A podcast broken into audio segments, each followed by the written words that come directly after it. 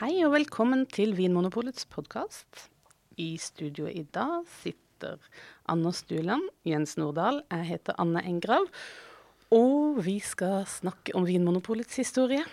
Og det er nå altså tolvte episode vi skal i gang med om Vinmonopolets historie. Vi er kommet helt opp til 1980-tallet. Ja, du sier det fullt. Og det er nå det begynner å bli moro, eller? Det har jo vært mye moro underveis, men det blir jo, eh, det blir jo litt sånn ellevilt i dag, gjør det ikke det, Anders? Jo, eh, det skjer jo mye eh, tidlig på 80-tallet og midten av 80-tallet som eh, er liksom, det er sånn stort og smått. Noe er detaljer, men som allikevel har engasjert veldig mange. Um, og så er det en del ting som, som Det skjer ting med butikkene som uh, gjør at de ligner mer på sånn som jeg husker butikkene, i hvert fall. Mm. Det er jo nyere historie, dette her. Det er, det er nyere historie. Vi er jo tettere opp. Helt klart. Og så tenker mm. jeg det at hvis vi liksom ser Og så er det én mann. Ja, det er en mann. Som kommer på scenen. Det er en sjarmerende bergenser. Ja. det er Joyce. Einar Joyce. Uh, man sier kanskje Joyce og ikke Joyce, men uh, Einar Joyce. Skal vi gå for Joyce? Ja, vi går for Joyce. Jeg Denne episoden er det Joyce. Ja. Det er fristende å si Joyce, uh, fordi for han er jo, virker som en, en litt sånn Joyful character. Ja. Han er en jeg, jeg, kjenner at jeg er veldig svak for han. Jeg er det, altså. Jeg, jeg, jeg er født i Bergen selv, så det, jeg kanskje skylder å opplyse om det. Jeg har familie Bergen. Men eh, nei, jeg må si det, altså. Han virker som en kul kar, altså.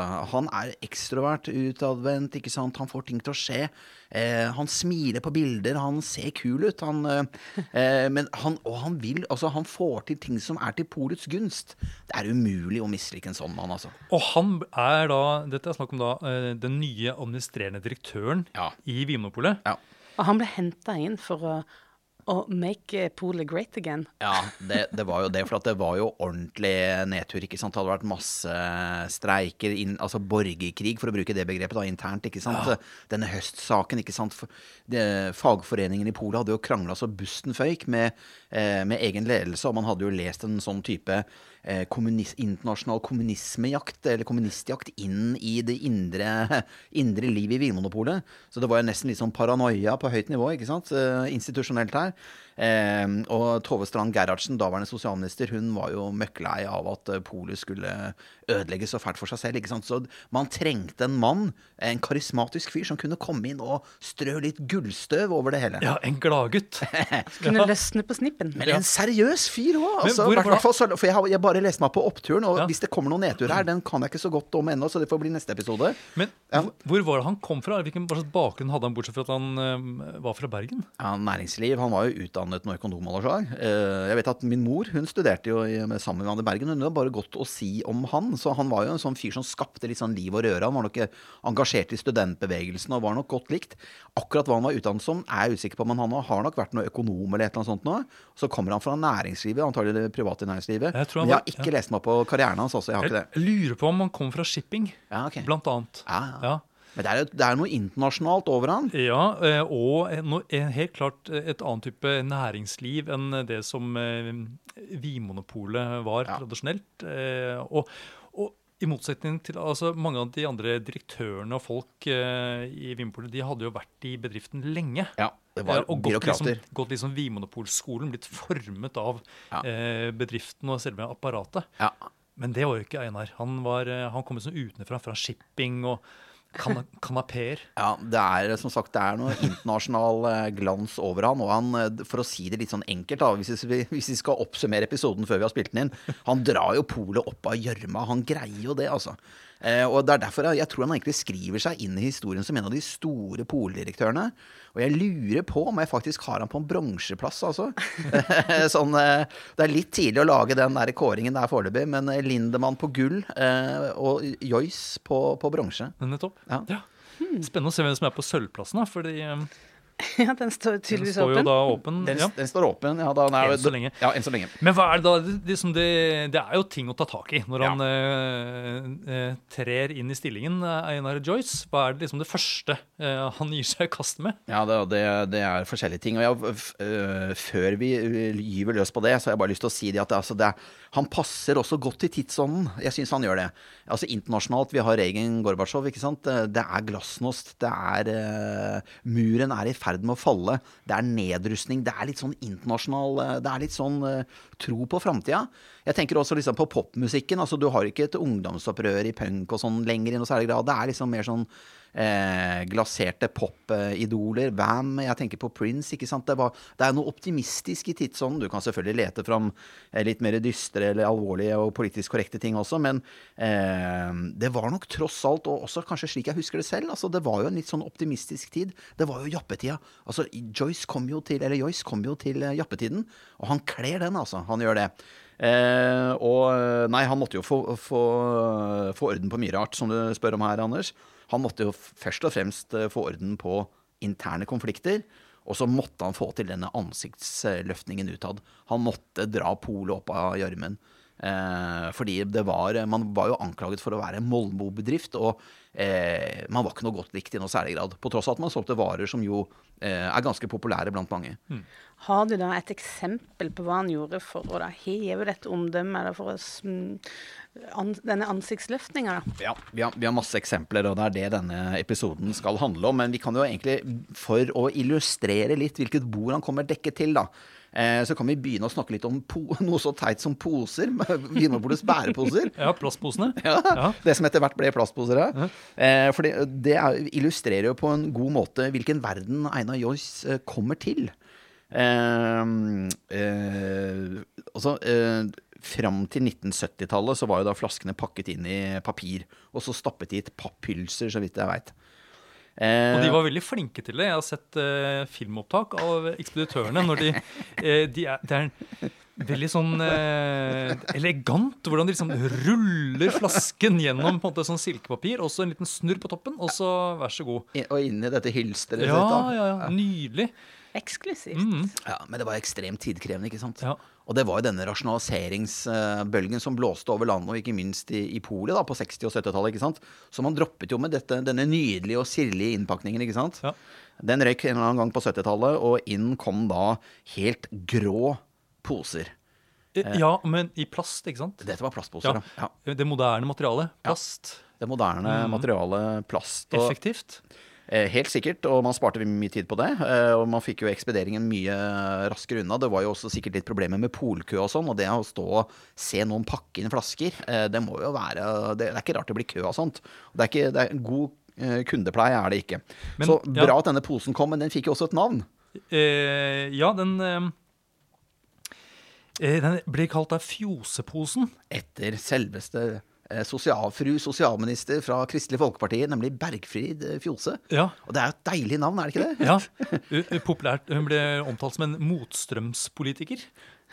Ble hun det, ja? Ja, jeg tror, hun, hun, turte å liksom, eh, liksom si at nei, skal man selge, selge eller på en måte bære ting ut av Vinmonopolet, så må man gjøre det i en pose som er nøytral. Ja, og det var, eh, det var uansett hun som, eh, som fikk da denne posen oppkalt etter seg. Fjosepose, det er jo et fint ord. Ja. Og det var ja. fordi den var nøytral, at det var hun som ja. Hun hadde liksom lagt føringer på at den skal være nøytral, så ikke andre skal bli frista. Ja, var, var det hun som bestemte det, eller var det Vinmonopolet selv som hadde klekket ut det at det skulle være en grå pose. Det var i hvert fall hun da som uh, uansett fikk eh, æren, eller den tvilsomme æren av å navngi denne posen, for å si det sånn. I hvert fall sånn på, på folkemunne. Ja, for det var under hennes, si, i eh, hennes periode. Regjeringstid, ja. ja, ja. At, at, det skjedde. Ja. Men det som er så morsomt, er at når noe blir anonymt nok, eh, så kan det jo da skaffe en veldig sterk identitet. Sånn at alle, alle skjønte jo at disse anonyme posene, da, som oftest var fra, fra Vinmonopolet, det jeg også har hørt, eh, faktisk i et program for lenge siden i NRK, det var med han Harald Are Lund Lund, som var sånn der musikklegende, eh, for å si det sånn. Han fortalte der en gang at eh, det var to eh, butikker Eh, som da brukte disse veldig nøytrale grå posene på 70-tallet. Det ene var da Polet, og det andre var K. Lund.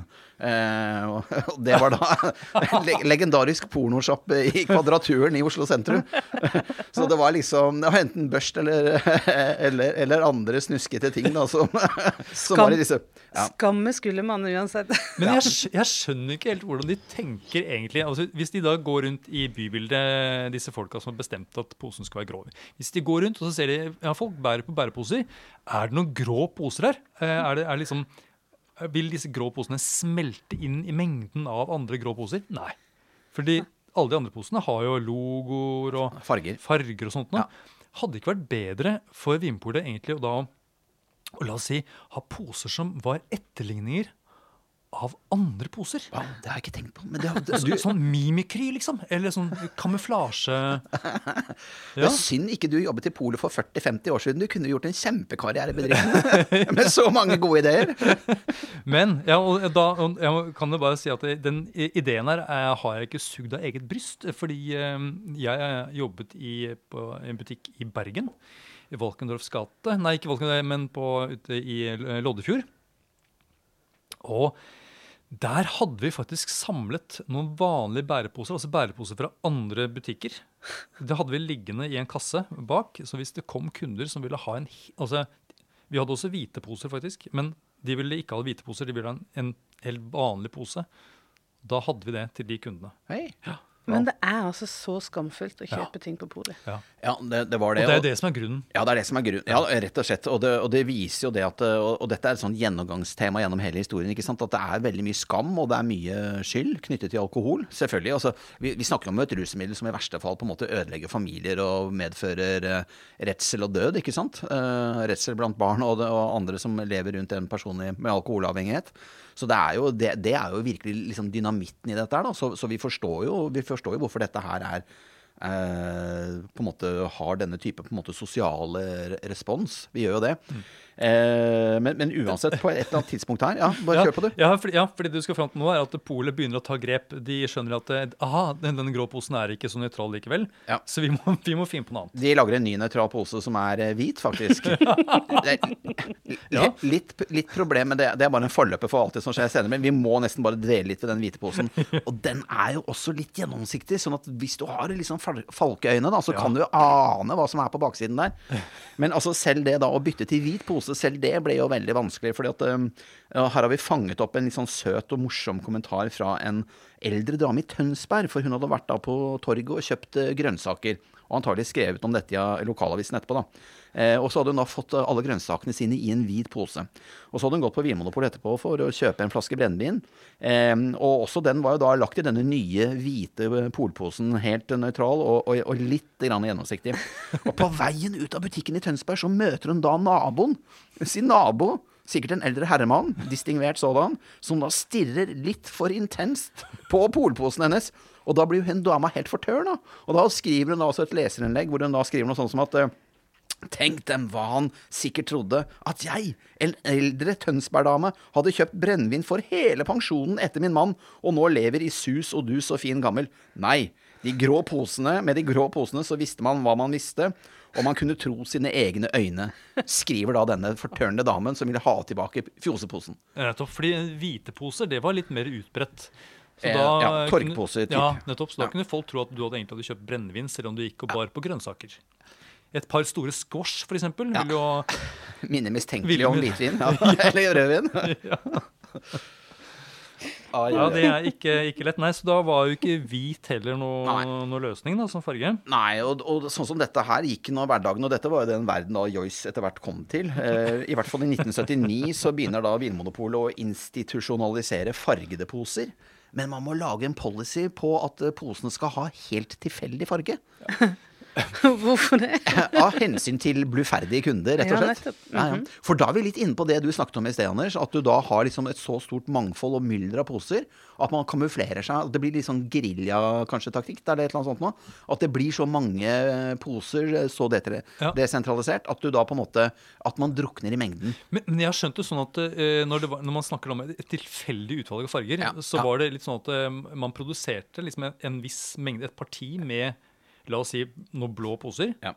Uh, og så kom det da et nytt parti som var uh, grønne eller en annen farge. Ja, man hadde masse poser i Ja, forskjellige farger. Men det var jo ikke sånn at kundene kunne komme til uh, en, en vinmo- vinmonopolbutikk og så eh, si at jeg ønsker en oransje, eller en, altså å bestemme fargen selv. Nei, Nei. det har du helt rett i. Det er så morsomt. For hver butikk hadde bare fått én farge. Nettopp. Men på markedet totalt så Ja. var det kanskje 12-15 farger. Og dette her, Nettopp, Anders, jeg vet ikke om du har fått det med deg, men dette her forarget jo Aftenposten helt opp på lederplass. Gjorde det? Ja, helt vilt. Fordi de ønsket at kunden skulle ha den valgfriheten. Det er problematisk at hver butikk bare har én farge. Kundene selv burde kunne få velge farge på posene, skriver Aftenposten på lederplass da i 1979 eller 1980. Ja. Så sånn går debatten i Norge. Altså Gamle Tønsberg-damer er fortørnet, og Aftenposten er fortørnet, og alle er fortørnet. Fordi at Vinmonopolet da enten har helt nøytrale poser, eller de er eh, For mange el- el- farger. for, for mange farger.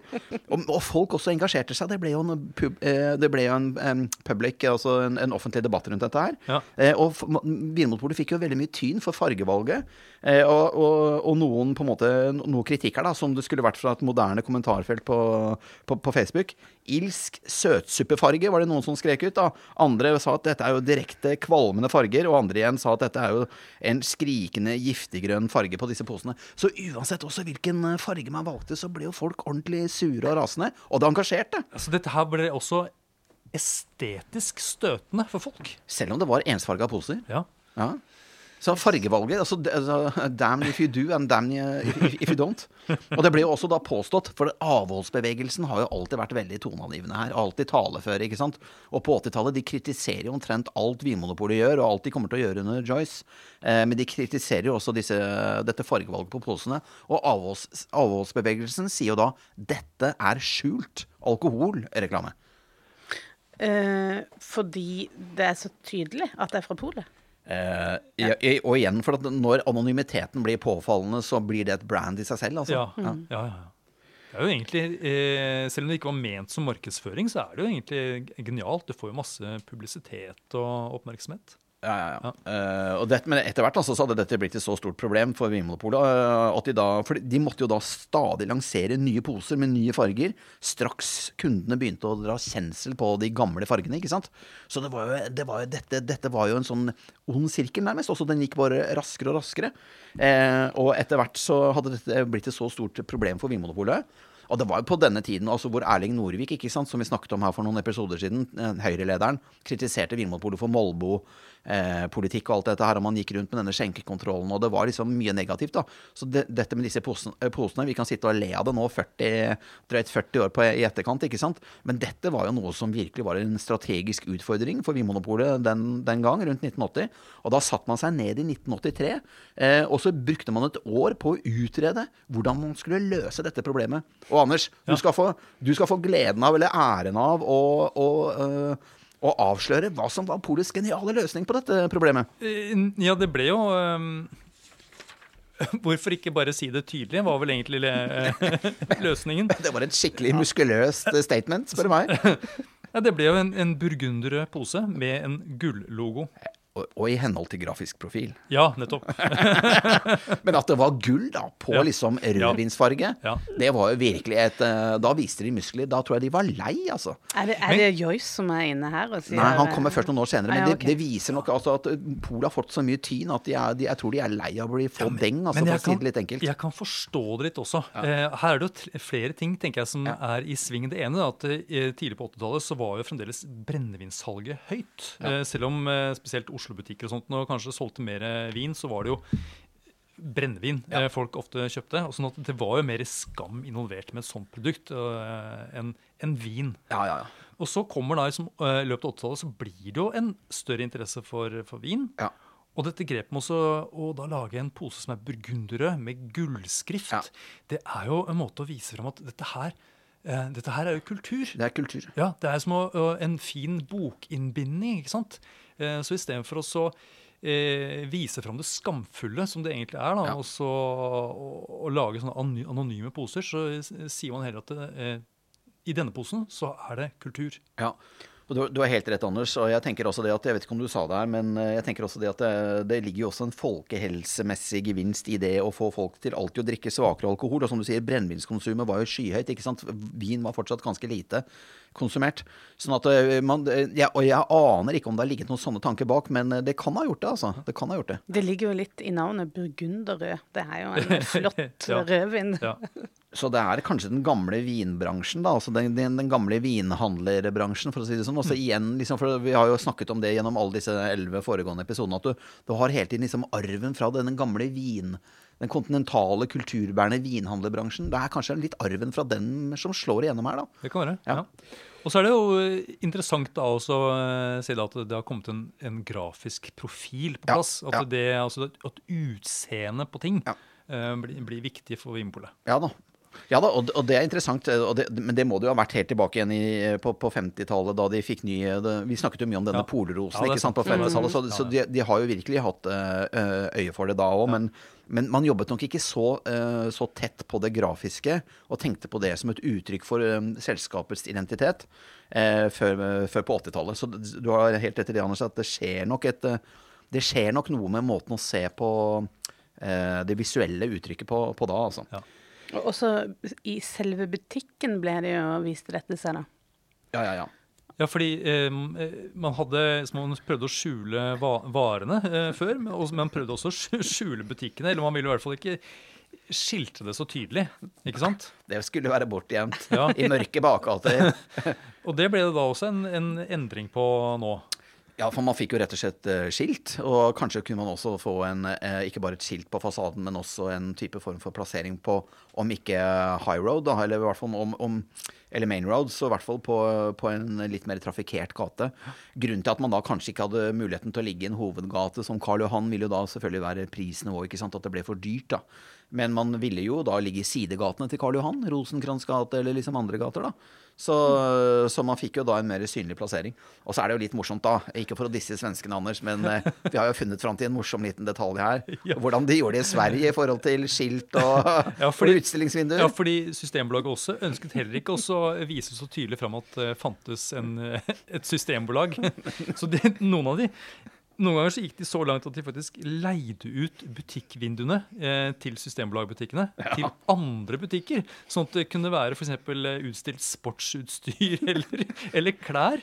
Eller, Og så- eller gressklipper, Ja. eller trillebår. Og så er det da en, en, et systembolag som ligger bak. Det er jo Total forvirring-strategien. strategien. Det er jo nesten som sånne skjulte nattklubber Ja. nede i kjeller og sånt Ja, ja. under, under eh, forbudstida. Det, Man må ta- ha nesten et sånt passord ikke sant, for å komme inn. Jeg var en gang i en sånn skjult nattklubb i Barcelona. Det var litt kult. Det var, eh, det var en helt decent opplegg, altså, men det var umulig å finne den. Du måtte kjenne de som visste om det, hvor den var. Og det var, det var bra saker, det, altså. Og da dansa vi til langt på morgenkvisten. Men eh, nei, det blir et sånt element av, av Truman Show. Det gjør jo det. Altså, at du, du ikke kan stole på den verden og den fasaden du ser. ja. Eh, og apropos, apropos fasade, det er mye fasade han Joyce skal jobbe med etter hvert, men vi kommer straks til det. Skal, rekker vi å snakke litt om eh, de mislykkede eksportforsøkene til Polet på, på 70- og 80-tallet også? For Hvis at vi det tar er- litt sånn ja. hovedtrekker, kanskje. ja. ja, for at altså, det, det han, Joyce, må jo, eller Joyce må jo rydde opp i eh, mislykka eksportforsøk. og eh, Vi kan jo ta det, ta det raskt her, eh, her Anders. Altså, eh, Polet prøvde å eksportere akevitt eh, til, til utlandet. Det var nok et sånt lite Jeg leser det mellom linjene, et sånt mindreverdighetskompleks. Rett og slett fordi at både Alco i Finland og Systembolaget i, i Sverige da, hadde stor suksess med å produsere mye vodka og så selge det til utlandet. Ja, de har, Fremdeles har de sterke merkevarer i, eh, på markedet eh, internasjonalt. tjener Ja. veldig mye penger på det. ikke sant? Og da, I gamle dager så var det jo da alkoholmonopolene som eide merkevarene. Sånn er det jo ikke nå etter EU og dereguler deregulering. Eh, uansett, eh, Vinmonopolet hadde jo da en sånn slags visjon om å produsere mye akevitt og selge det for eksport og tjene penger på det, for man hadde lyst til å være like flink som i Sverige og, og, og i Finland. Men, Eh, men det var ja. ikke bare Vinpolet selv som ønsket eksport av akevitt. Eh, det- Fordi, det er sant. fordi det var jo et sterkt ønske og et press fra Potetbransjen. nettopp potetbransjen. Ja. Ja. For her var det penger å hente. Tenk, Ja. Tenkte man i hvert fall. Det, det tenkte man. Eh, det har du helt rett i, An- An- Anders. Eh, eh, man eh, eh, prøver da å eksportere eh, litt til, til utlandet. Man får ikke noe særlig sving på det. Dessuten er man jo elendige eh, forretningsmenn, for å si det sånn. Eh, for, for prisen, altså Man selger det bevisst med tap, og det forstår jeg ikke den dag i dag. Eh, for at eh, prisen blir jo eh, satt eh, ut fra eh, prisen på dansk importert akevitt i Norge. Og eh, dansk importert akevitt i Norge, det ble, jo, det, det ble jo solgt billigere enn det egentlig skulle. Det skulle egentlig ha kosta mer. Sånn at norsk akevitt, det solgte man på 70-tallet for Det var 52 kroner kassen til utlandet, men det kostet jo Vinmonopolet over 60 kroner å produsere det. Eh, som, så dette, altså, om, Man kan jo kanskje argumentere for at man da prøvde å liksom få til et norsk industrieventyr, og at man da subsidierte det i, staten, i, i, i starten. Men salgsavdelingen ble jo ganske rasende her og sa at vi er nødt til å tjene penger på denne eksporten. Eh, og utover 70-tallet så gikk jo da, ble jo nesten prisen fordobla. Eh, opp til 95 kroner eh, kassen for eksportert norsk eh, linjeakevitt. Og hva skjedde da, når prisen gikk opp?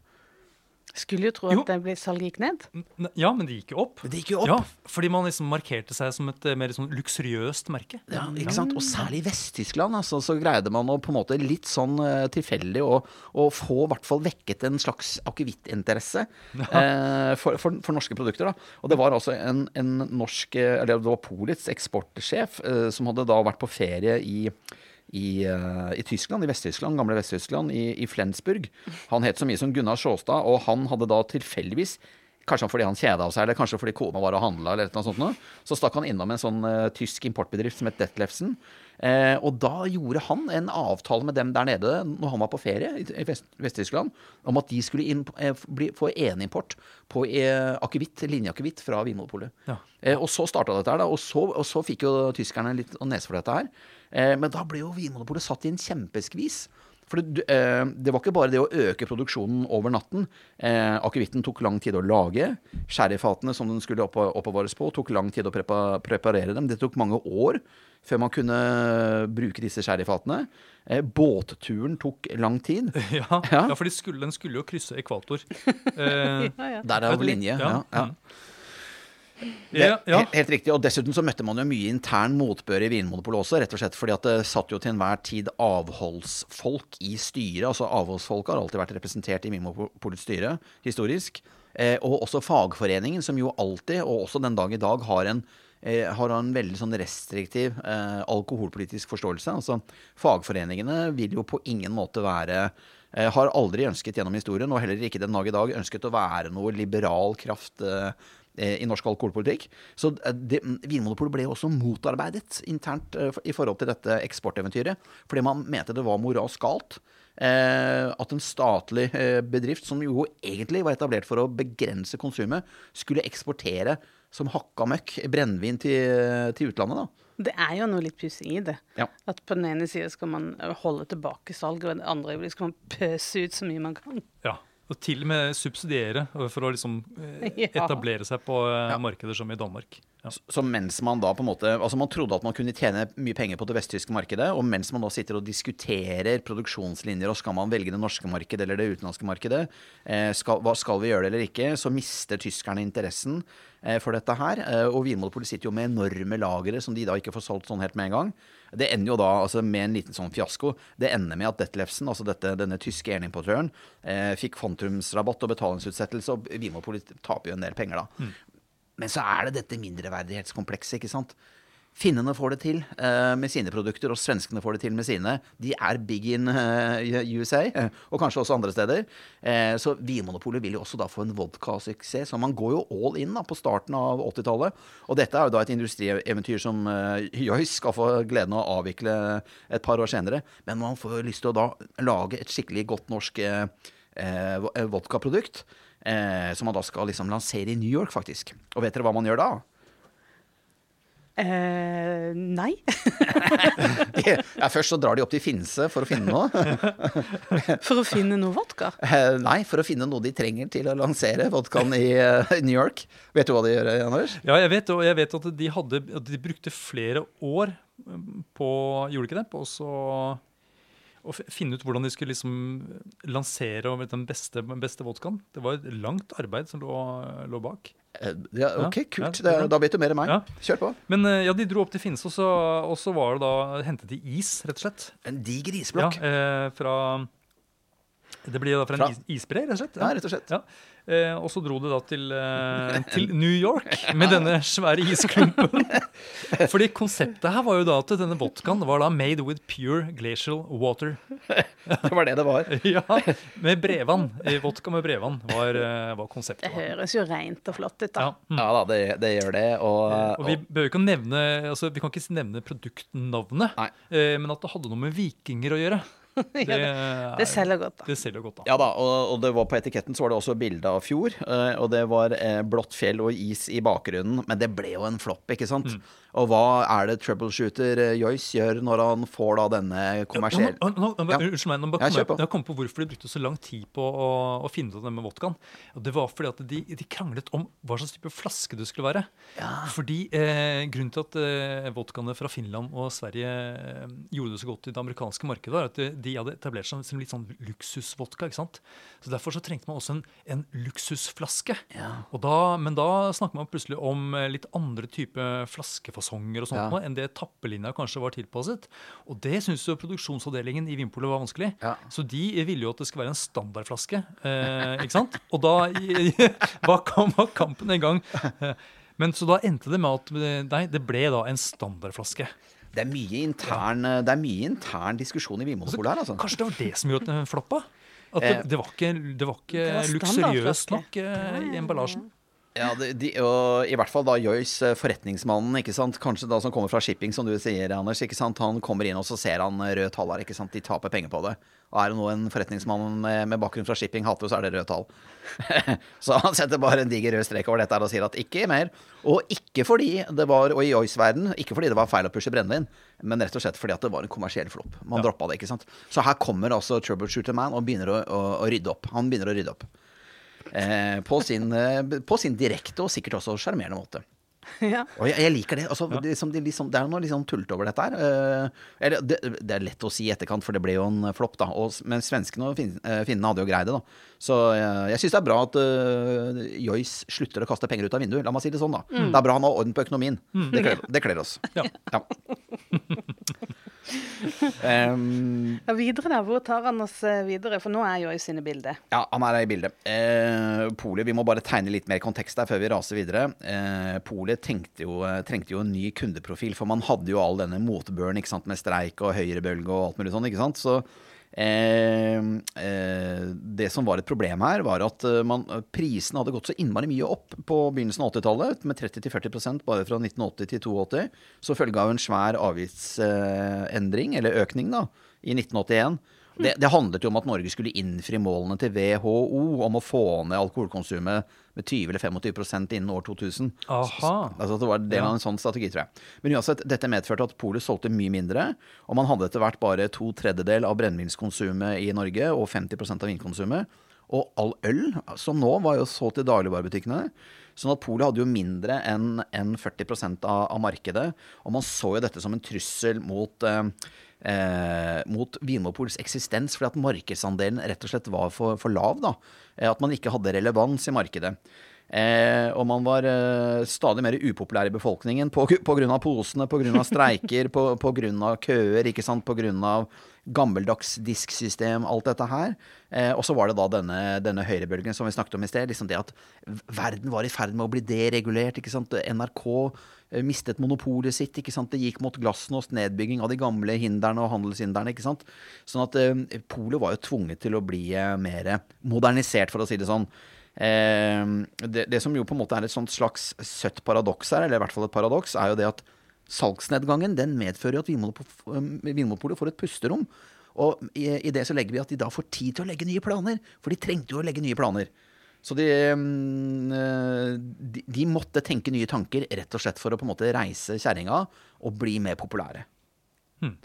Det, det måtte de. Og, og de legger da eh, planer, og dette er ting vi skal snakke om nå, som også da Joyce finpusser i, eh, i tiden framover. De lager en ny butikkstrategi. De skriver et brev til Finansdepartementet om at de ikke må komme flere avgifter, for det vil jo sende Vinmonopolet rett ut av markedet. Eh, de gjennomfører for første gang, tror jeg, i polets historie, en kundeundersøkelse. Og så lager de også en ny produktplan, hvor vareutvalget for første gang skulle tilpasses kundenes interesser, ønsker og behov. Mm. Det, det var da den første produktplanen i bedriftens historie, tror jeg. Ja, jeg tror det. U- Uten at jeg vet så veldig mye mer om det, men liksom det er første gang man tenker kunderetta. Produktmessig, da. Men jeg tenker jo også det sier jo noe om at utvalget er blitt så mye større. At der det, der det begynte, så hadde du et veldig begrensa utvalg du kunne velge fra, men nå har du plutselig valgmuligheter. Så Eh, så det blir relevant å spørre hva kunden ønsker, for du har så mange muligheter. Ja, det er sant. Ja. Selv om det var jo Vi hadde jo fryktelig mange ulike Bordeaux-viner eh, På 60-tallet på og 60-tallet og, 50-tallet og og, sånn. enda lenger tilbake. Ja. Men det var enten, enten så var det disse klassiske vinområdene i Frankrike, Ja. eh, eller så var det sterkvin fra, Skjønner, ja. fra Portugal eller Ja. Spania, og så var det brennevin. Det var liksom de, de, de Ja. tre hovedkategoriene der. Men Ja. nå, som du sier, Anne, så, så er det, har det, det blomstrer jo i vinverden ikke sant, eh, rundt omkring. Ja. Eh, Spania, Italia, Australia. altså det er eh, Chile, Ja. ja. Mm.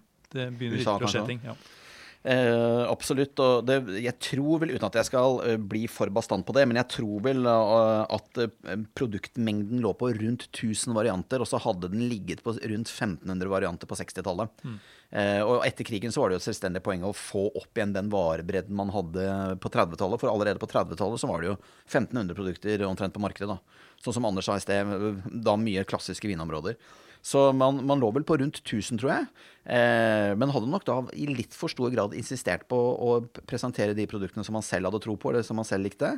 Kanskje litt sånn i tråd med den filosofien til Håkon Svensson, den tidligere innkjøpssjefen, som jo ville liksom utdanne den norske befolkning til vinkultur, ikke sant. Det lå nok noe der, altså. Eh, at man skulle få folk til å drikke finere, og sånn sett på en måte erverve en folkehelsemessig gevinst av det. Men det, det, det var jo på en måte en, en teori, enn så spennende, eh, spennende den er, som vi dementerte her for noen episoder siden, eh, Anders. Eh, det, er, det er jo ikke sånn at alkoholkonsumet eller alkoholskadene går ned selv om folk drikker dyrere merker. Det er ikke sånn. Nei. Eh, vel, vel. Nok om det. Men eh, jo, det var jo denne ansiktsløftningen, da. Og da var det to personer. Informasjonssjef Arne Halvorsen og leder for et servicekontor som het Hugo Broen.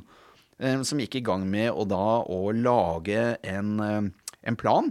Og Den brukte de nok ganske lang tid på. En, eh, hvordan da Vinmonopolet kunne styrke sin standing blant eh, kundene. Og også styrke sin standing i markedet, altså øke markedsandelen. Eh, og dette var nok nye tanker i polet, altså. Eh, Og dette ja. var de som sto bak den nye bæreposen òg, ikke sant? Ja, de hadde, de hadde jo, de hadde jo naila den, da, for å si det sånn. Burgunder og med gulle, gullemblem. Så de, de hadde fått fornyet tillit, og de gønna på med, med nye, spennende forslag. Ja. Eh, Vi kan jo bare kjapt nevne noe her, før vi på en måte går mer i dybden på noen av dem. Men de ville jo modernisere prislisten, for det var jo, det var jo som telefonkatalogen. Den var grå og kjedelig. Eh, de ville også forbedre kontakten med skjenkenæringen. Man hadde jo krangla med skjenkenæringen sant, gjennom hele 70-tallet. Og Det har vi jo bredt dokumentert i en tidligere episode. Det er kjempemorsomt, alt dette styret, all denne kranglingen med, med skjenkenæringen. Men man hadde jo endelig skjønt at man skulle begynne å samarbeide med dem. ikke sant? Så de foreslo jo det, da, at man skulle få enda tettere og gode bånd til, til dem. Det var jo en kundegruppe som det var viktig å holde seg inne med. Eh, man ønsket også å knytte tettere kontakt med vinjournalistene. Man ønsket at polet skulle bli bedre på service. Og det er kanskje egentlig første gang at man da løfter inn service som en dimensjon i polets historie. Er det noe vi er viden kjent for i dag? Og det er folka våre i butikk. Eh, de må vi skryte av. Altså. De er jo norgesmestere på, på service, og det er jo helt sant. De vinner jo priser. De er jo ekstremt bra service takket være alle de flinke folka våre i butikk den dag i dag.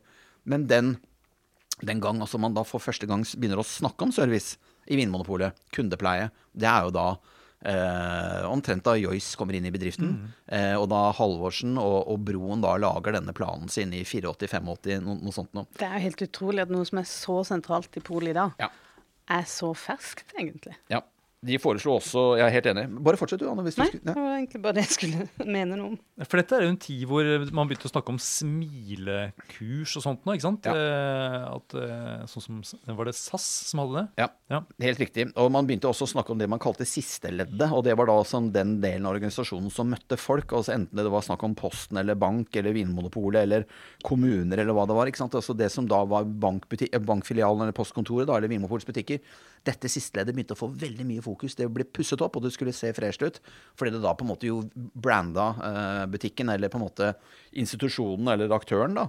Eh, og skulle da vise hvilken type identitet man hadde. Så dette var tidsånden. Dette var tidsånden. Eh, men Broen og Halvorsens forslag eh, så, eh, vakte jo selvfølgelig debatt i Vinmonopolets ledelse. Det var ikke en walk in the park å få dette gjennom. Eh, salgsavdelingen sa jo at eh, dette er jo liksom bare sånn garnityr og lakk og lakk og eh, ferniss. og finish. Sånn same shit, new wrapping. Det var det de sa. Eh, de sa at dette er jo ikke selskapets motor og drivverk, det er der, det er der vi trenger modernisering. Så de var vel med på logistikken, de varer inn, varer ut, ikke sant. Ja, Så de syntes det var litt jålete? Litt, litt sånn unødvendig, nesten? Ja. Ja. Eh, men salgsavdelingens innvendinger nådde ikke opp, og den nye linjen preget selskapet i mange år fremover. Og det kledde jo også jappetiden, ikke sant. Ting var jo litt sånn ja, Det var kanskje litt raskt, ikke sant. Det var vel raske penger da. liksom Det var ting ja, Hindrene, de gamle, den gamle verden falt litt. Da. Man ville bli kvitte seg med dette gamle åket. Eh, og også Joyce kom jo inn som en mann. Han ville ha endring, altså. Ja, men så var, jeg tenker, Det er jo eh, 80-tallet. Individualisme, ikke sant. Ja. Eh, man, hvorfor, hvorfor, hvorfor skal jeg ha det bra? liksom? Hvorfor skal ikke jeg få en god kundeopplevelse når jeg kommer inn i butikken? Ja. Bli møtt med et smil og bli respektert og liksom Ja, ja. Man er lei av å gå inn i der og som eh, hatten i hånden. Jeg var jo, jeg var jo tenåring på, på 80-tallet, gjennom hele 80-tallet, liksom. Og det er jo det formative years for, for, for min del, da.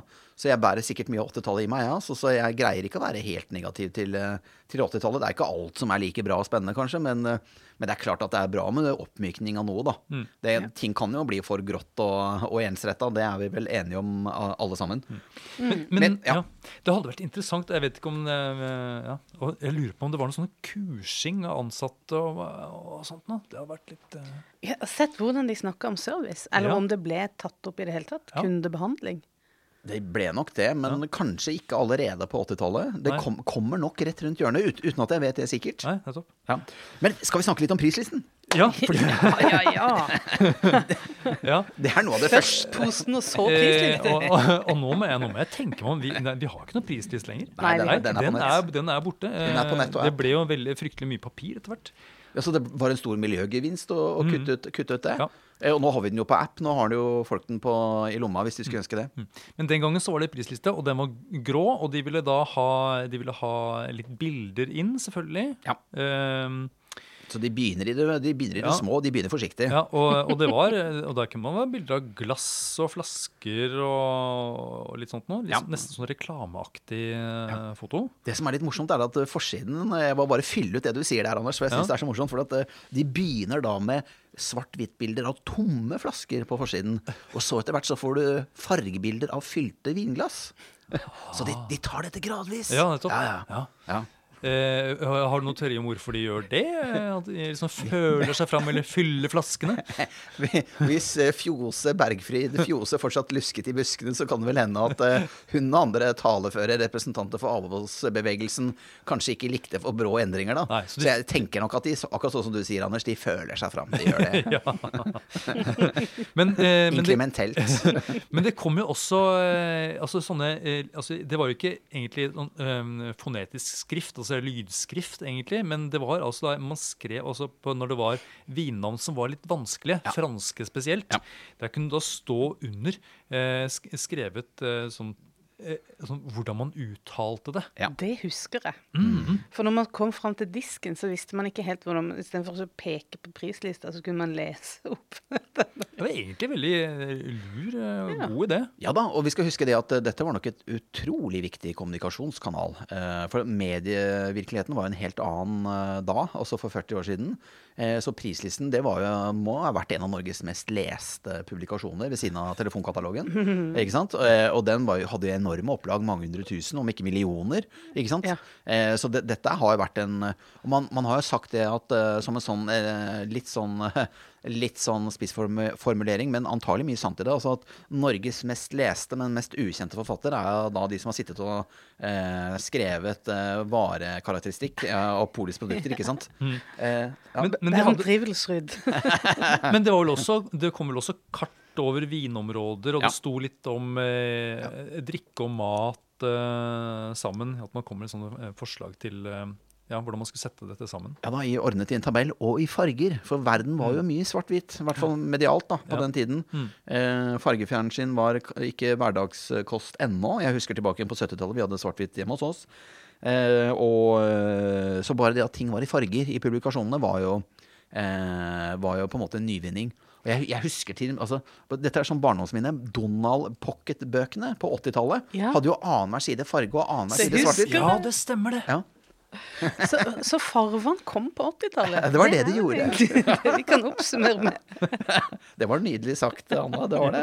Ja, ja, ja. Eh, og, og, og, det, så, og da ble prislistene egentlig litt sånn som eh, prislistene ble værende fram til eh, Lenge. ja, nesten 2000-tallet. Ja, 2010, kanskje? Ja. Så, Ja. så lenge det eksisterte. Ja, Ja. De fant liksom sin form da på, på 80-tallet. Eh, Det ble en mannsalder da, med den type prislister. Ja. Det er klart, altså, 30 år. Ja. Men bilder av, eh, bilder av fylte vinglass Ja.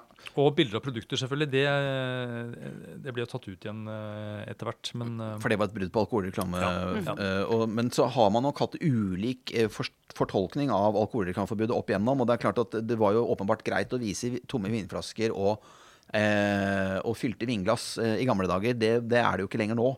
Eh, sånn at, eh, så, så det kommer jo til stadighet nye presiseringer av lovverket, og det er veldig fint at vi kan ha klare regler å forholde oss til. Men, men, men regelverket har i hvert fall hatt ulik fortolkning til ulik tid, og også det er en interessant observasjon i seg selv. Ja. Og litt sånn som med posene, som fikk mye omtale i pressen, så fikk jo også eh, prislist, altså nye prislisten fikk også omtale, ikke sant Jens? Stemmer. Det var Farman som eh, dette, dette, dette konservative, liberale tidsskriftet Altså blå, blårussblekka eh, Farman, som eh, Jeg håper ikke jeg fornærmer noen, noen lyttere nå, men det var, det var jo på en måte de var, de var litt sånn i sjangeren til Dagens Næringsliv da, ikke sant? Og, og Finansavisen, ikke sant. Eh, eh, for, forretningsmagasin. Eh, de anmeldte eh, denne prislisten. Vil du ta det, eller, Anders? Ja, eh, altså De skrev altså endelig har Vinmonopolet lagt bak seg Molbo-oppfatninger og tatt steget inn i det moderne informasjonssamfunnet. Men hva sier avholdsfolket da, da, tror du, Anne? Ja, de, Jeg vil anta at de mislikte farvebruken. Ja, de, de fikk kritikk, eh, Polet selvfølgelig, for at de hadde laget en fargeglad reklamekatalog for vin og brennevin. Ja, det ble for mye glede inni der. Eh, og ja, det ble for direkte også. Så avholdsbevegelsen her har jo hele veien vært et korrektiv, og de har hele tiden vært en bre bremsekloss. Og kanskje også en nødvendig aktør, kjære vene, altså. Ja, absolutt. Ja. så delte meninger der også. Men så videre. Vi skal til en annen ansiktsløftning, Anne. Ja, Ja. for nå må vi inn i butikken igjen. Ja, vi må det. Og hva skjer der, da? Jeg, jeg har skjønt det sånn at det, det er blitt litt mer sånn pynt inne i butikken. At det skal, skal være litt sånn eh, opplevelse å gå der inne. Så det er litt sånn montere. Rett og slett. Og, Eh. ja. Ja, kjør på. Nei, dette tror jeg du må Jeg husker bare disse montrene fra For det, det jo, butikkene har jo blitt oppdatert i litt sånn ulikt tempo. Det, det, de siste montrene ble jo fjerna for ikke så lenge siden. Jeg vet ikke om det kanskje er noen som fremdeles har noen. Der det var liksom litt opp til butikken sjøl å putte inn i hva man syns var fint. Om man vil trekke fram noen fine vinflasker, eller putte fram noen glass eller annet. En Liksom nisse, stæsj. en nisse Ja, liksom sesong. kunne, kunne dukke opp, eh, husker jeg. Ja, ja, ja. Herregud. Eh, I hvert fall Sosialdepartementet, da, som la reglene og rammene for polets virksomhet, de sa det at varene må utstilles på en nøytral måte, slik at det ikke blir oppfattet som alkoholreklame. Eh, eh, denne Halvorsen som vi allerede har snakket om, altså informasjonssjefen som da holdt i dette, han var jo da den store, store moderniseringsmannen da i Polen, skjønner vi, sammen med denne bro broen, skriver da til en kollega i Sverige nå gjelder det å kjøre på før avholdsfolket skriker for høyt. Så det var jo De var jo litt cowboyer, da. Det høres jo sånn ut. Ja, det er jo helt tydelig at det er et slags sånn der uh, fiendebilde her som tegnes av ja, led, altså oss mot dem. Ja, Og dette er også noe som skaper litt forargelse blant avholdsfolk. ja sant? da. Det, De også tolker dette som alkoholreklame, selv om, selv om Vinmonopolet holder seg innenfor eh, disse, disse reglene de fikk fra Sosialdepartementet. Ja, uh, det, det er helt riktig. Innen to år så hadde i hvert fall alle Polets butikker sånne utstillingsmontre. Uh, og det var da sånn som du sa litt i sted, Anne. Det var med nøkternt her med navn, pris og en, så, en eh, liten karakteristikk. Eh, og Polet selv presiserte at dette var forbrukeropplysning og varefaglig informasjon.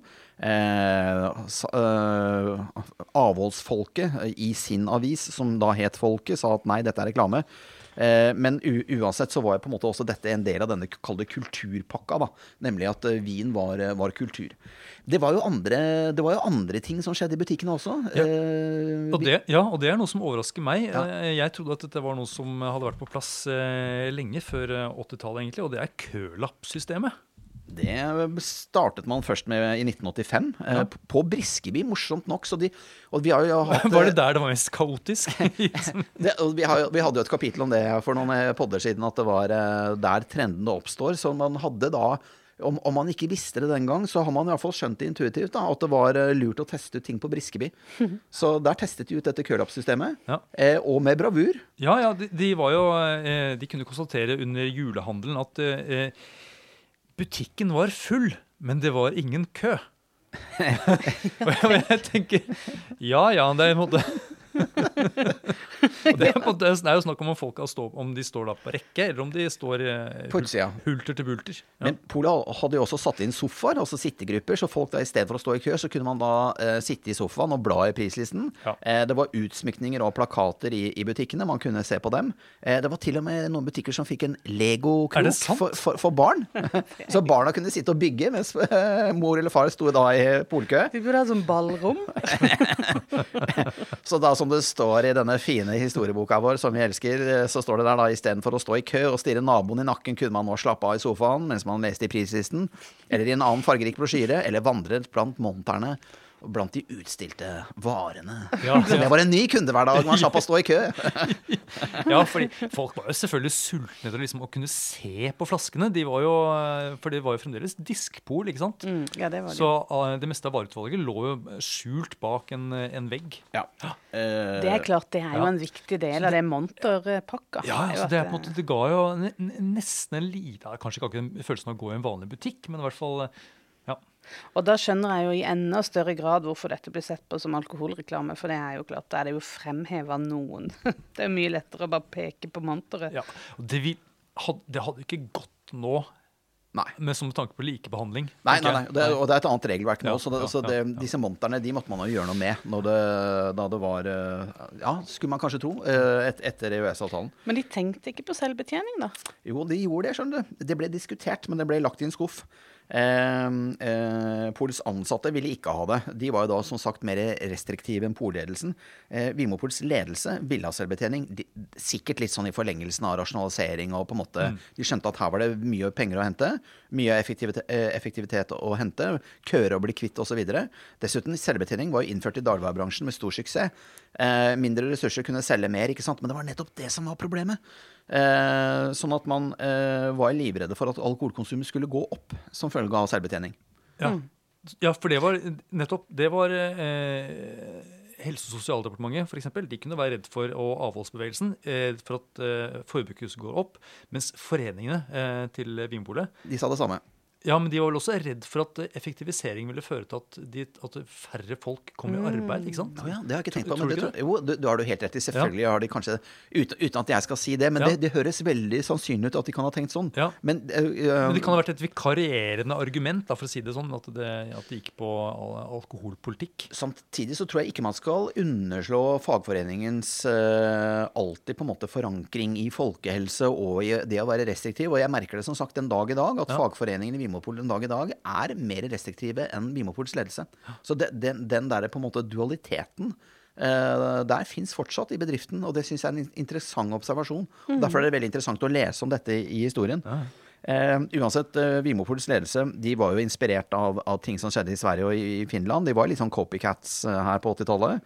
Så de hadde jo vært og besøkt Alko, da, som er også er monopolordningen, alkoholmonopolordningen i Finland, som allerede hadde flere butikker med selvbetjening. Og finske forskere de påstår jo at eh, dette ikke medførte salgsøkning å ha selvbetjente eh, butikker. Men så var det da fagforeningene som var bremsekloss, og ikke minst også avholdsrepresentantene i Vimopols styre. Og så kommer Sosialdepartementet inn da og sier et endelig nei eh, i 1985. De tar på en måte så fore foreldrerollen. ikke lov? Nei, fikk ikke lov. Og det var etter at eh, det som da morsomt nok heter Edruskapsdirektoratet, hadde sagt nei. Eh, for at så lenge man ikke kunne garantere at salget ville gå ned med selvbetjening, så sa da Edruskapsdirektoratet nei. Edruskapsdirektoratet er jo en sånn der byråkratisk levning, og dette passer jo igjen inn i disse Bent Hammer-filmene vi har snakket om, Anders. De må jo spille en rolle der. Eh, det forsvant jo senere inn i, eh, inn i eh, i Folkehelseinstituttet, eh, nei, unnskyld, i, i rusmiddel, Rusmiddeldirektoratet, som senere ble til Helsedirektoratet. Sånn at fagmiljøet lever fortsatt en dag i dag, men under et helt annet navn, da. Så jeg bare, bare for å kvittere ut den. Det er nerden i meg som ville kvittere ut Ja, jeg må innrømme at jeg aldri har hørt om Edruskapsdirektoratet. Det var, det var ikke de tingene som sto i hodet på deg som tenåring, altså? nei, nei, sånn var det. Ja, men vi har snakka mye om uh, utforming uh, på- forskjellig vis. Men uh, hva med produktene? Vareutvalget, er det en ansiktsløftning der også? Ja, eh, det er riktig. Det er jo da man ønsket å selge mer norske varer. Eh, Man ønsket å å få denne, denne, dette, dette luksusproduktet, denne vodkaen, eh, som skulle da være tappet på denne flasken med snob appeal, som man, som man kalte det.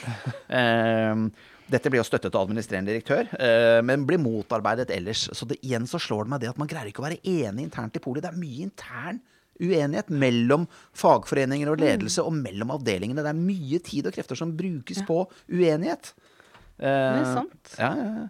Fagmiljøer som eh, står mot hverandre. Ja, det, det er en eh, rød tråd gjennom historien vår, det òg. Eh, dessuten så ville jo da altså han produksjonsdirektøren, eh, som da het Jan Messel, han hadde jo jobbet for færre flasketyper for å få dette for å få produksjonen raskere gjennom, ikke sant. Så han ville ikke ha en ny eh, flaske med snob appeal.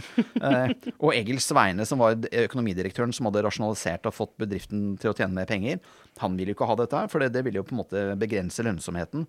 Eh, og dette prosjektet ble jo da på en måte skrinlagt med, med denne vodkasatsingen i New York. Den eh, smeltet vekk med, med isklumpen på, på Times Square, for å si det sånn. Men vi må, vi må jo snakke om butikkene våre, da, Anne. Vi må jo det. Vi må jo det. Det skjedde mye på butikkfronten på, på 80-tallet. Ja, vi har jo snakka om montre. Ja. Ja. Men det, du tenker mer, kanskje mer på sånn eh, Det er mer litt sånn overordna planen av butikker. Ja, eh, Fra helt standardiserte butikker som skulle se kliss like ut i hele Norge, så fikk man jo da mer differensierte konsepter. Eh, det ble diskutert at man skulle ha egne pol med bare vin, men det slo man fra seg. Med begrunnelsen av at det hadde man jo ikke i Finland og Sverige. Så igjen, altså Vinmonopolet mangler kanskje litt selvtillit. Kanskje er det også smart å la seg inspirere av det andre har prøvd. Men jeg, jeg syns også det er litt artig å, uh, at de stirrer, så blindt på det som har vært i utlandet, og kanskje øh, ikke tenker egne tanker selv, da. Men uansett. Eh, eh, det man turte å tenke tanken på, det var fjellpol. Så for første gang så gikk man jo da ut i distriktene, og så åpnet man da butikk på, på Gol og på Oppdal. Fjellpol. Ja. Er det fordi det ligger på fjellet? Punktum, liksom? Ja. Eller ligger det noe mer i dette? Og steder med var ikke så mange kunder her, sånn at Nei. man hadde begrenset åpningstid. Det kunne være snakk om noen timer i løpet av dagen. Og mindre vareutvalg. ikke sant? Rett og slett. Så enkelt. Eh, og dette er noe som er differensiert med, med veldig mye eh, altså nå, nå har vi jo masse forskjellige typer butikkategorier. Sånn at den dag i dag er det jo veldig stor forskjell på de store og de små butikkene. Så, men det er her, altså denne differensieringen av butikkene skjer jo da på 80-tallet. Akkurat. Ja. Og, og i den andre enden så ønsket man da også etablere da noen sånne hva skal jeg si, spesialpol, eller noe litt mer eh, Ja. Hvor det var noe ekstra, Ja. ikke sant? Det er helt riktig. I 1987. Eh, man diskuterer seriøst for første gang i Pols historie å åpne en sånn superbutikk, en spesialbutikk. Og Joyce, som den eh, utadvendte, sjarmerende, ekstroverte personen han er, han vil selvfølgelig ha et nytt eksklusivt storpol i Oslo, så man kan sole seg i glansen av. vet du. Det er klart han vil ha det. Styret var nølende. Men Jo- Joyce han var jo flink til å argumentere, vet du. Han sa det. Dette vil jo skape en kvalitetsheving av polet selv. Ja, og det vil til og med forandre selskapets egen tankemåte. Vår måte å tenke på. Og til slutt altså vil det bidra til å høyne vinkulturen i Norge. Ja. Så han har jo snakka dem rundt, vet du. Og fikk det som han ville. For i 4. oktober 1988 så åpner da et vinmonopol som det skal gå et sus av eh, gjetord gjennom hele Norge. Det, er jo, det åpnes jo med brask og bram. Det gjør det. Ja, det er Klingenberg du snakker om. Ja. Ja. Og der har jo du jobba, Anders. Jeg har jobbet i Klingeberggata, ja. Ja, ja. Det, det stemmer. Ja. Ikke, jeg var jo ikke med fra åpningen i, i 1988, men um, Nei, så gammel er du ikke. Nei, nå må, jeg, nå må jeg tenke litt. Det var vel eh, først eh, ti år seinere, tenker jeg, at jeg eh, begynte å tråkke rundt der. Ja, og det var det som senere ble Den flytta jo til Vika og ble vår spesialbutikk på Vika. Det første selvbetjente butikken i, Men- i Norge. Som, Men det var en kjempestor butikk! ja, Klingenberg? Ja, vi, Å, hadde, vi, hadde, grisestor. vi hadde Var det 15 eller 17 kasser Ja. på Jeg husker det. Oi, såpass, rekke ja. og rad bortover? Wow. Eh, og sånn speilblank eh, flislagt gulv med sånne søyler eh, inni, inni dette store rommet der eh, folk står og venter på, på tur. Heftig. vi hadde en sånn der, Dekadent og deilig. Ja. Ja.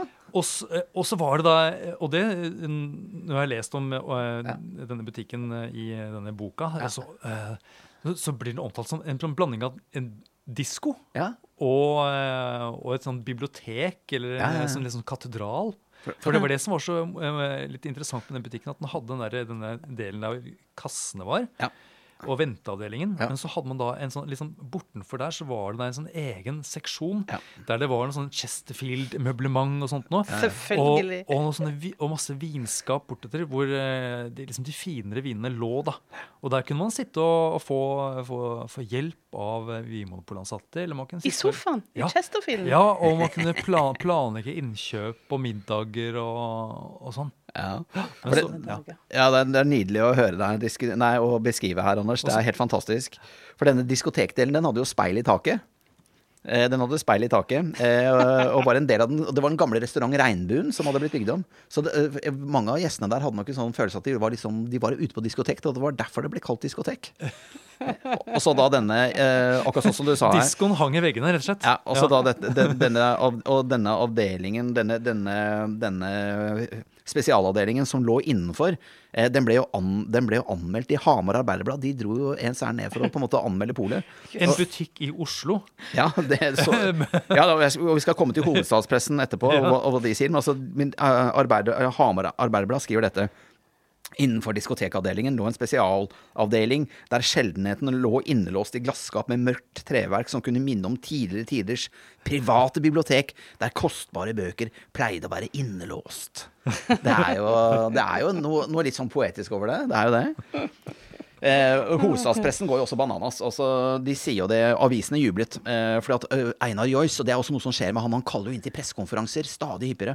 Eh, han har jo fått hele hovedstadspressen på, eh, inn, i, inn i butikken på lansering. Eh, han sier det. Dette, eller eh, også avisene konkluderer. Et vinutsalg for de kresne. Polets nye drømmeutsalg. Dette er et lite underverk. Eh, og også da en eh, avis som jeg ikke vet i farten hvem er, skriver da Vinmonopolet hadde endelig fått et menneskelig ansikt med en vinbutikk i særklasse som kunne minne litt om et lekkert diskotek med speil i taket.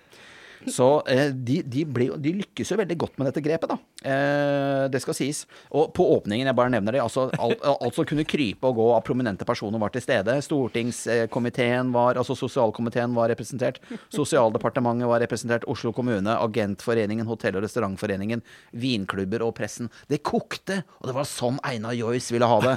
Alle var der altså under denne åpningen av et Superpolet. Ja. Og, og vet dere hva? Og det skjer jo ikke når, når, Vinmonopolet åpner butikker nå. Men de to første kundene som kom inn døra eh, på Klimagata, de fikk hver sin flaske med champagne.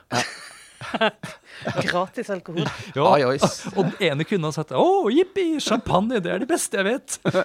Mens den andre kunden han har vært litt mer avmålt, for han, eh, han var en vinsamler, så han, han kjøpte vin for 65 000 kroner. Så det var liksom ikke, det var ikke så eh, imponerende for han. da. Han var fra Stavanger og hadde tatt turen over fjellet. Men tenk, det? tenk deg det å blåse av 65 000 kroner på vin i 1988. Det er ganske heftig. Ja, det er ganske heftig. Ja.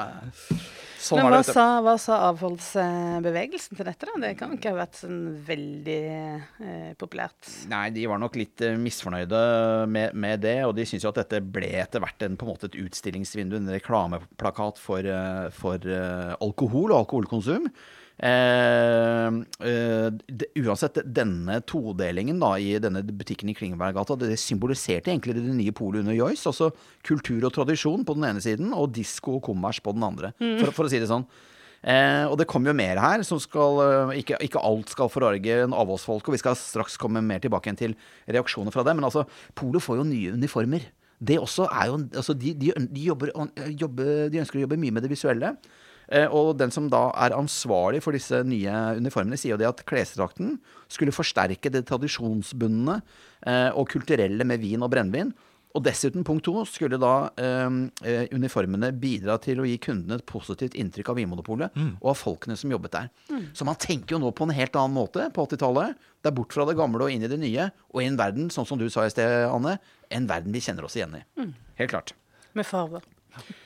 Eh, I en verden i farger. Var, Eh, var det da de fikk eh, sånne eh, forklær i elgskinn? Ja, det var en del. Og det var liksom prikken over i-en i denne uniformen. Ja. Eh, i folkelige Ja, for de gikk med mer. Det var ikke bare forkle de hadde på seg. ingen, ingen skitne tanker nå, Anders. Må du styre deg. Ja, Den følelsen av elgskinn mot bar hud. Jeg fikk et sånt bilde av sånn Martin Lee Gore i Depeche Mode i hodet. Han, han gikk jo Bare med forkle? Ja, det kunne ja, se mye, sånn ut. ja, det var mye skinnbukser på han. Ja, han, eh, sånn, men nok om og, eh, Igjen, da. Depeche Mode var jo store på 80-tallet. Men eh, vi får gå videre her. For at Vinbladet altså, eh, Man ønsket jo på en måte å, å være tydelig på informasjonen også. Så man, man tenker jo virkelig kunder her. Og man eh, lanserer jo da Vinbladet under Joyce i 1988. Eh, man solgte da kultur, og da var informasjon selvsagt viktig. ikke sant? Og man tar jo ikke lett på dette her. De ansetter jo en proffredaktør. Det gjør de. Eh, og eh, Og det var liksom flott. Jeg har jo sett noen av de gamle vinbladene. Det er jo, det er jo et eh, magasin. blankt papir, som det sto. Eh, reklamepregede bilder.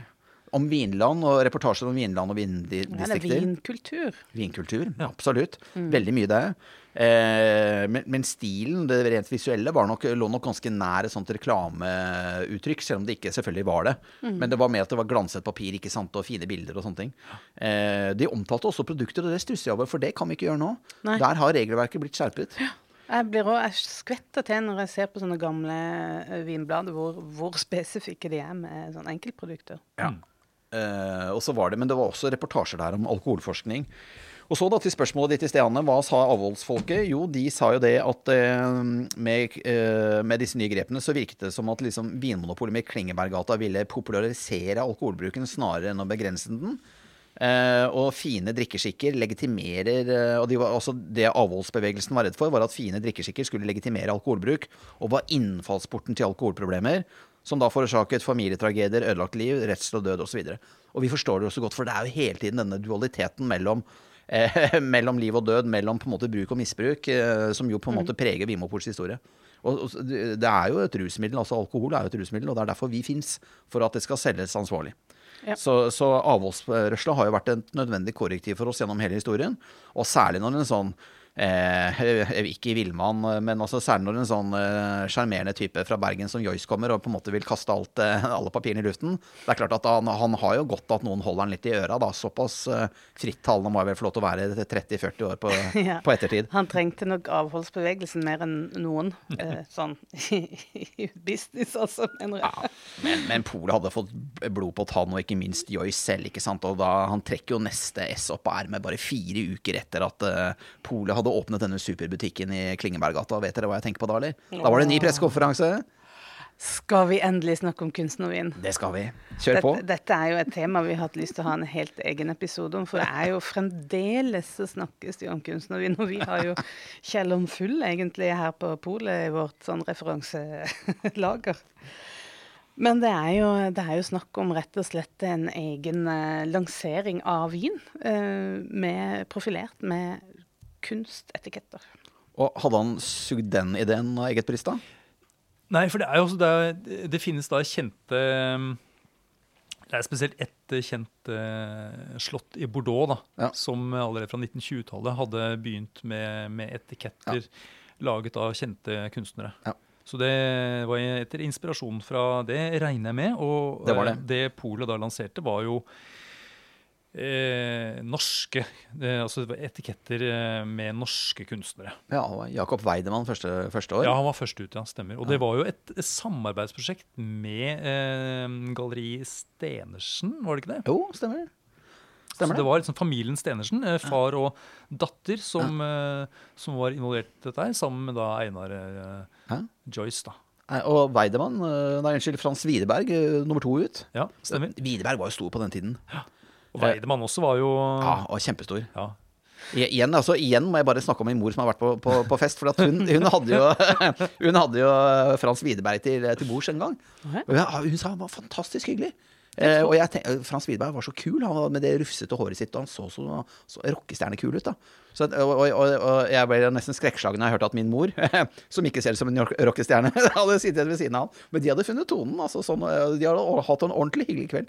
Så eh, det er de rareste ting som dukker opp i hodet her. Men Frans Widerberg, han, eh, han var kul, og han eh, Det solgte jo bøtter og spann, dette her. Ja, og, det, og Bare for å snakke litt om innholdet i Ja. flaskene. For dette, det var jo eh, hver gang Det var jo eh, bordeauxvin. Ja, det, det var, det. rød bordeauxvin eh, fra eh, det som man kaller for sånn petit chateau, altså mindre kjente eh, slott i, eh, i Bordeaux. Mm. Og det varierte vel fra gang til gang, eh, tror jeg, hvilket slott eh, som ble tappet i denne som kunstnervin. da. Og det chateau står jo tydelig på etiketten. Det altså. gjør det. Det stemmer. Og, og årgangen, da. Så det, mm. Men, men det er jo, må jo ha ligget en eller annen forventning om at dette skal uh, heve seg voldsomt i verdi. Jeg vet ikke om det ble uttalt på den tida, men det er liksom den kombinasjonen av en bordeaux, rød bordeauxvin som kan på en måte lagres lenge og stige i verdi, og være et liksom eksklusivt produkt, og uh, dette med at kunst skal Ja. kunne stige i verdi også. Så det er jo fremdeles så får vi jo masse henvendelser om hvor mye er dette verdt, og så en sånn veldig forhåpning om at det skal være en formue, og det er jo dessverre ikke det. Men, men det, liksom- de klarte liksom å bygge det, Ja. bygge det opp. De, de var de gode på. orkestrerte en sånn fin gang i det, sånn at de fikk oppmerksomheten de, de ønsket. Det var jo eh, Det var vel kvelden før lanseringen, eller var det litt før? Jeg husker ikke helt. Men så hadde de liksom De hadde middag og sånt Ja, ja. med presse, med vinpressen, ikke sant? Eh, gjorde litt sånn, en liten greie ut av det. Og så fikk de da omtale i, eh, i avisene. Og, og, Og da, og da køet jo folk for å få Ja, tak i disse flaskene. 35 000 flasker første år, et par-tre år senere og over 50 000 flasker lagt ut for salg. Og, og det første året så, så var man utsolgt i løpet av en dag eller to. Eh, da det var på en måte som mest populært dette her, når, når rockestjernen Frans Widerberg hadde, hadde etiketten sin på, på trykk, for å si det sånn. Eh, så vet jeg at køene på det lengste var i hvert fall 300 meter utenfor enkelte Oslo-butikker. Og de ble tømt på et kvarter. Eh, noen steder i Trondheim også gikk på en halvtime, liksom, så butikkene var, var tømt veldig fort. Og første år med kunstnervin så var den butikken i Norge som da hadde kunstnervin lengst, det var den i Otta, altså nord i Gudbrandsdalen. Ja. Eh, nord for Lillehammer, ikke sant, på god vei opp mot Dovre. Men selv på Otta så tok det voldsomt av når Widerberg var på etiketten. Så det, også der ble man utsatt i løpet av noen timer, altså. At folk var virkelig altså, hadde veldig lyst til å kjøpe denne vinen. det var jo ikke Ja. noe tvil om, og At noen så liksom potensialet, samlerpotensialet. Eh, allerede første året så var det jo eh, to kunder på, Vim, eh, i, på polet i Ski Ja. som ønsket å kjøpe hele pallen med vin. altså 365 flasker. Ja. Eh, men eh, det fikk de altså da ikke, det fikk de ikke lov til. Jeg fikk en rar tanke i hodet når jeg leste det. For at Kai Henriksen, vår tidligere administrerende direktør, han kom jo fra Ski, og han kan jo Tror det var, tror det var Kan det ha vært Kai? Som jo, men han, var- han jobbet jo som Han var jo i, han var i importbransjen før han kom til polet som AD. Ja. Eh, han var ekstremt vininteressert. Han tok jo en sånn master of wine, tror jeg. Eller, altså, eh, Diploma. Ja, diploma, ja. Han var, var veldig flink og var veldig interessert. Altså, kan han allerede da? Kan, kan det ha vært han? Det er et mysterium. jeg må bore litt i Men at altså, folk allerede da det første året tenkte at dette her, her skal det investeres, og så skal det hentes ut store verdier seinere.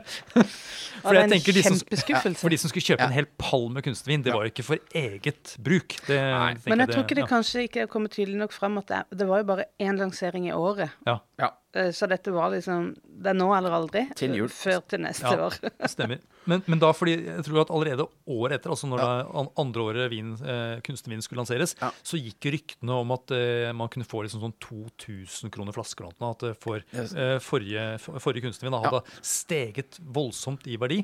Og jeg tror ikke at den Jeg vet ikke hvor mye den kosta. Eh, Nei, det vet ikke jeg heller. Nei, Om det var må- dyrt, Nei, eller om det det var- var jeg tror det var overkommelig. jeg tror det var en ganske rimelig bordeauxvin, egentlig. Sikkert ikke mer enn hundrelappen. Altså. Ja, Altså. noe sånt. Ja. Så, eh, nei, og, men det kledde, dette var jo på en måte en greie som kledde jappetiden. ikke sant? Man skulle tjene penger, og man hadde tjent penger på børs, og dette var før boblen sprakk. og ikke sant? Altså, det var et investeringsobjekt, og som dere har sagt her, Bordeaux-viner og lagringsdyktig, håpet man og bla, bla. Og så viste det seg jo ikke å være så holdbart, da. Men eh, det, det får dere ta i en senere podkast. Eh, men igjen, Joyce får jo ting til å skje. Han skaper, skaper dynamikk. Og bare to dager igjen etter denne, den, denne greia med kunstnervinen, første gang med kunstner, så er han på banen igjen. Denne gangen med å lansere juleakevitten. Og det får kanskje være siste eh, kapittel i denne historien eh, før, før vi runder av. Men vi, vi rekker vel å si litt om juleakevitten, gjør vi ikke det, da? Jo. Hva, hva gjorde han egentlig? Han lagde show igjen? Han lagde show igjen bare to dager etter at Weidemann hadde vært, vært På middag. på, på middag og vært førstesidestoff i rikspressen. Eh, så var det da også lansering av juleakevitt, og da satte han opp en buss til Hadeland brenneri. Eh, gjestene ble jo servert eh, rikelig underveis. Eh, Og, og dette var vinjournalister, blant annet? ikke sant? Blant annet, helt riktig. Mm. De fikk akevitt på bussen opp, de fikk gløgg, Polets egen gløgg, som inneholdt da eh, alkohol. Eh, ved ankomst, det var juleakevitt under presentasjonen, det var omvisning på brenneriet, det var middag med juleøl og akevitt, og det var likør til kaffen. Men det gikk ikke noe riktig om fyll der. altså Det er på, det er på en måte egentlig poengtert. altså Det, var, det gikk ganske sømmelig for seg, men folk hadde det nok hyggelig. Eh, og det var, det var jo Så var det gaver. Det var, de Ja. da en eske med, med to sånne spesiallagde glass. merch. Mm. Merch, ja. Joyce innførte merch i polet. Ja. Eh, så det er veldig mye rart som kommer med han. Det er ikke rart jeg har han på bronseplass, dere. Det er ikke det. Det må ha vært veldig gøy å jobbe sammen med han. Ja, ja, ja. ja. Og I hvert fall, man, men man ante jo ingenting om hvordan dette her skulle slå ut. Eh, eh, og, og, og denne nye siden av liksom Vinmonopolet med lanseringer og pressekonferanser og smaksprøver og reklameartikler. Men Aftenposten dagen derpå, de slo jo virkelig på stortromma. Det var jo helt ellevilt. De hadde tre spalter på forsiden og et fargebilde. Fargebilde. Her er polets nye juledram! Det var forsiden på uh, i Aftenposten. Landets største, eller i hvert fall en av landets største og mest seriøse aviser. ikke sant? Eh, og selve reportasjen var over seks spalter. Altså Dette var i gamle dager, da når Aftenposten var i eh, bredt format ikke sant? og ikke i smalt eller tabloid. Eh, broadsheet, som det vel het på godt norsk. Ja, den var, den var kjempestor. Ja. Eh, du måtte være brei over skuldra for å lese Aftenposten. Du måtte legge den på et bord. Eller være brei over skuldra. Reportasjen i hvert fall bakerst var på seks spalter eh, og hadde et digert bilde av fargebildet fargebilde av akevitten. Med Mjøsa i bakgrunnen Oi. og solen. Der er solen som blinket i akevitten. Joyce kunne ikke gjort det bedre sjøl. det, det var mesterverket hans. Dette er sånn Avåsfolket, selvfølgelig. Hva skjedde med dem? Ja, de, de ble vel ikke spesielt i god stemning av det der. Ja, De sa vel at nå hadde kulturen hadde slått ut i tvilsom kommers. Ja da, de gikk bananas. De gikk Det bananas. kan jo være de hadde et poeng i det òg. Og her, så her vi har, vi, og Dette er på en måte Joyce. Han er på oppover som en månerakett. Altså som en champagnekork. Det går jo rett til værs her. Ja, og at de spiller på alle strengene, sånn som de Ja. hadde da egentlig planlagt. De skulle ha tettere bånd Ja. med, med, med vinpressen Ja. uh, for å få til sånne ting som dette her. Helt tydeligvis. Det liksom, ja. og de gir seg liksom ikke mett, men de har liksom, det er en sånn tretrinnsrakett, egentlig. Det er en eh, eh, der. sjutrinnsrakett eller annet sånt. noe. Ja, ja. Det er ny prisliste, det er nye butikker, det er ny uniform, det er kundemagasin for første gang. Det er et eh, det er kundetilpasset sortiment, det er kølappsystem for å bli kvitt køene. Og det er altså jippo på jippo med kunstnervin og akevitt, juleakevitt-lansering. Det er jo futt og fart og moro. Joyce kler jo jappetiden. Eh, og han har jo virkelig vind i seilene. Eh, jeg er svak for fyren. Jeg vet ikke når det begynner å butte. Han slutter jo på et eller annet tidspunkt. Jeg er for dårlig orientert as we speak om når han går. Og, eh, så vi får, vi- det, får jo bli neste episode, da. Altså, hva, eh, Ja, For vi er ikke ferdig med eh, Nei. Joyce sin periode. Nei, nei, nei. nei. Han, sk- og han skriver seg inn i historien. Jeg liker fyren. Ja, han skriver seg Og Joyce er jo fortsatt i live den dag i dag. Det er hyggelig, hyggelig å tenke på. Vi burde nesten slått av en prat med han. Absolutt. Han skriver seg inn i historien, i hvert fall i mitt hode, som et av de store, eh, ikoniske direktøremnene vi har hatt. Og han, at han har bidratt til å modernisere oss, og at det var helt nødvendig. Eh, jeg er ikke et sekund i tvil. Nei, Nei det, det, det her var gøy. Og det, det gir meg håp for fremtida og godt humør. Så vi får se hvor dette tar oss videre. ok. Takk for i dag, da. Takk for i dag. Takk for at du hører på Vinmonopolets podkast. Har du forslag til et tema i podkasten? Send mail til podkast at vinmonopolet.no. I tillegg svarer kundesenteret deg på e-post, chat og telefon.